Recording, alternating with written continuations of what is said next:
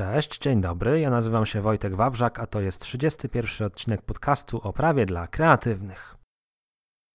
Dzisiaj chciałbym porozmawiać z Tobą o prawie do wizerunku.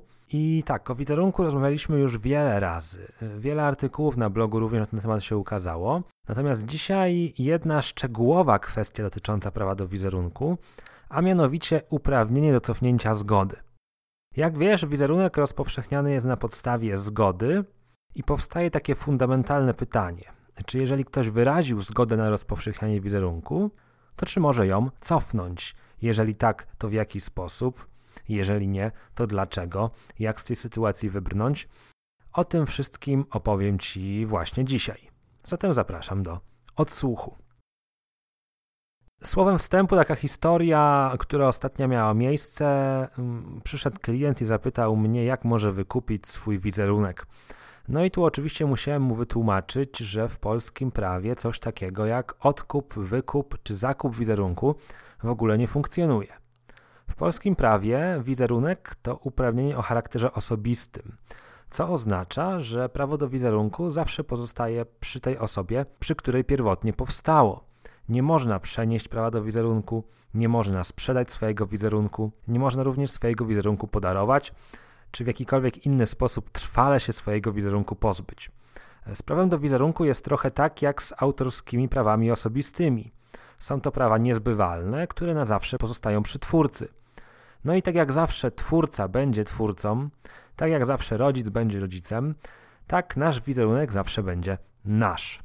I nie ma to wcale takiego teoretycznego znaczenia, jak mogłoby się wydawać. Wręcz odwrotnie, znaczenie jest mocno praktyczne, dlatego że gdybyśmy przyjęli, że jednak można przenieść prawo do wizerunku, że można je sprzedać, no to byłoby tak, że ta sprzedaż i to przeniesienie prawa ma charakter trwały. No, jeżeli coś sprzedajesz, to potem sobie tego tak po prostu odkupić swobodnie nie możesz, chyba że sobie takie uprawnienie zagwarantujesz. Gdybyśmy przenosili prawo do wizerunku, no to również potem tego prawa nie moglibyśmy cofnąć do siebie. No a tak nie jest. I tutaj jak gdyby dochodzimy do takiej głównej odpowiedzi na to dzisiejsze pytanie, która brzmi, że tak jak najbardziej zgodę na rozpowszechnianie wizerunku można cofnąć. Dlaczego można ją cofnąć? Dlatego, że prawo do wizerunku to uprawnienie o charakterze osobistym. To sprawia, że korzystanie z cudzego wizerunku nie opieramy o nabycie prawa do wizerunku, o przeniesienie prawa do wizerunku, ale o zgodę. Jeżeli chcemy korzystać z cudzego wizerunku, to mamy jego zgodę. No i teraz, jak gdyby z takiej podstawowej konstrukcji zgody wynika, że ta zgoda jest zawsze odwoływalna. Czyli zgodę zawsze mogę wycofać, zawsze mogę ją odwołać. No i tu można się zastanowić, jak to wygląda praktycznie. No bo przecież trudno sobie wyobrazić, żeby na przykład agencja reklamowa zatrudniająca celebrytę do reklamy żyła w takim poczuciu niebezpieczeństwa, że ten celebryta tą zgodę cofnie. No więc jak to się rozwiązuje? Ano rozwiązuje się to tak, że często w umowie wskazane jest zobowiązanie osoby udzielającej zgodę, zobowiązanie do tego, że ona tej zgody nie cofnie. Czyli ja, udzielając zgody, zobowiązuję się, że tej zgody nie cofnę. Co więcej, gdybym cofnął taką zgodę, to przewiduje się, że będę zobowiązany do zapłaty kary umownej. No i to jest takie zabezpieczenie finansowe na wypadek cofnięcia zgody, no bo jednak w większości przypadków korzystanie z tego wizerunku wiąże się z jakimiś kosztami. Musimy zapłacić za produkcję materiału, za jego rozpowszechnianie, za jego emisję. Ponosimy określone koszty i jeżeli ktoś nam tą zgodę cofnie, no to my tych kosztów już nie odzyskamy. Stąd właśnie kara umowna. Dlatego w praktyce zgodzie na wizerunek towarzyszy najczęściej również zobowiązanie do niecofania tej zgody pod warunkiem, pod obostrzeniem, można powiedzieć, kary umownej. No i teraz takie pytanie, które często się pojawia, to jest pytanie, co w sytuacji, gdy umowa milczy na temat cofnięcia zgody.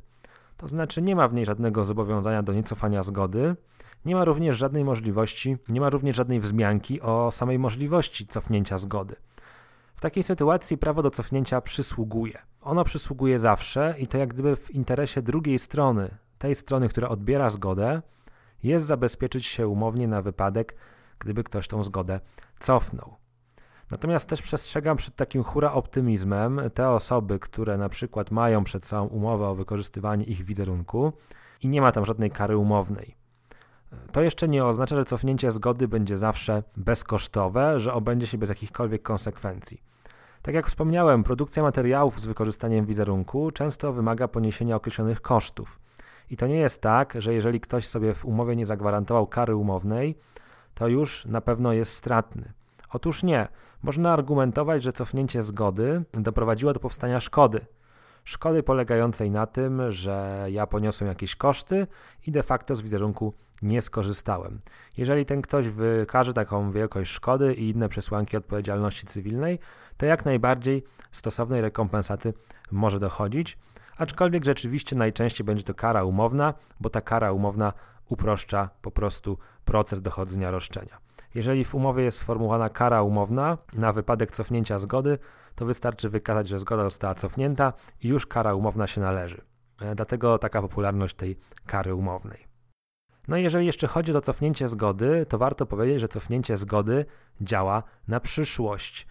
Czyli na przykład, jeżeli ktoś wyraził zgodę na rozpowszechnianie swojego wizerunku w jakimś drukowanym materiale, zostało wydrukowany nakład, to po cofnięciu zgody nie musimy wcale niszczyć tego nakładu.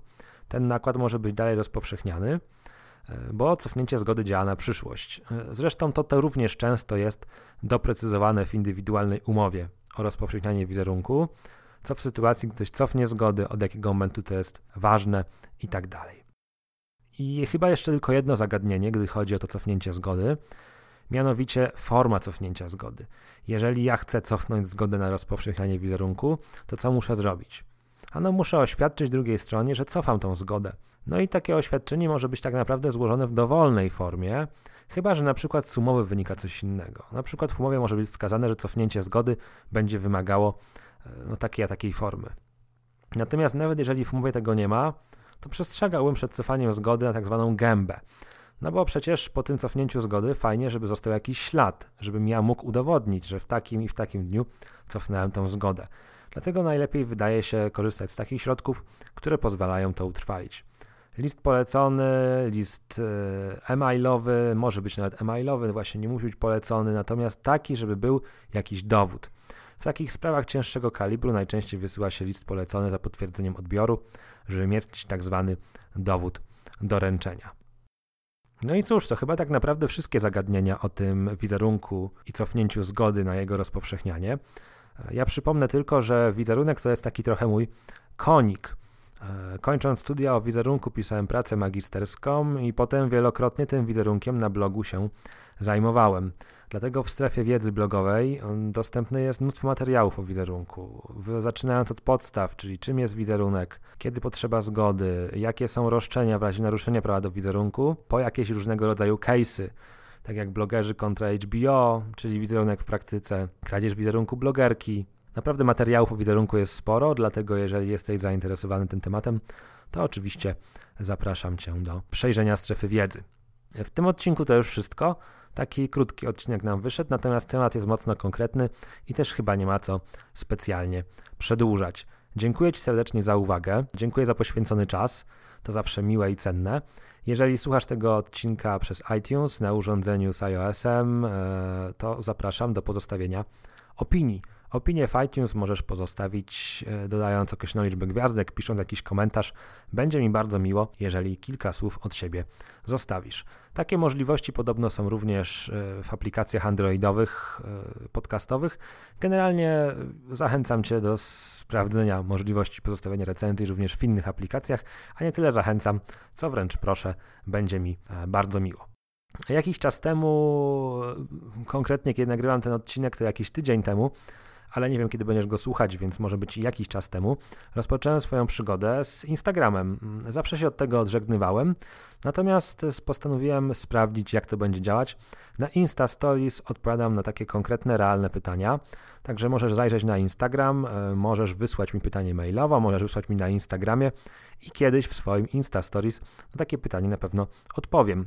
Zresztą będę testował tę formę, bo okazuje się, że spotkała się z dość ciepłym przyjęciem i ludzie całkiem chętnie te moje Insta Stories prawnicze i nieprawnicze, bo są też nieprawnicze, e, oglądają.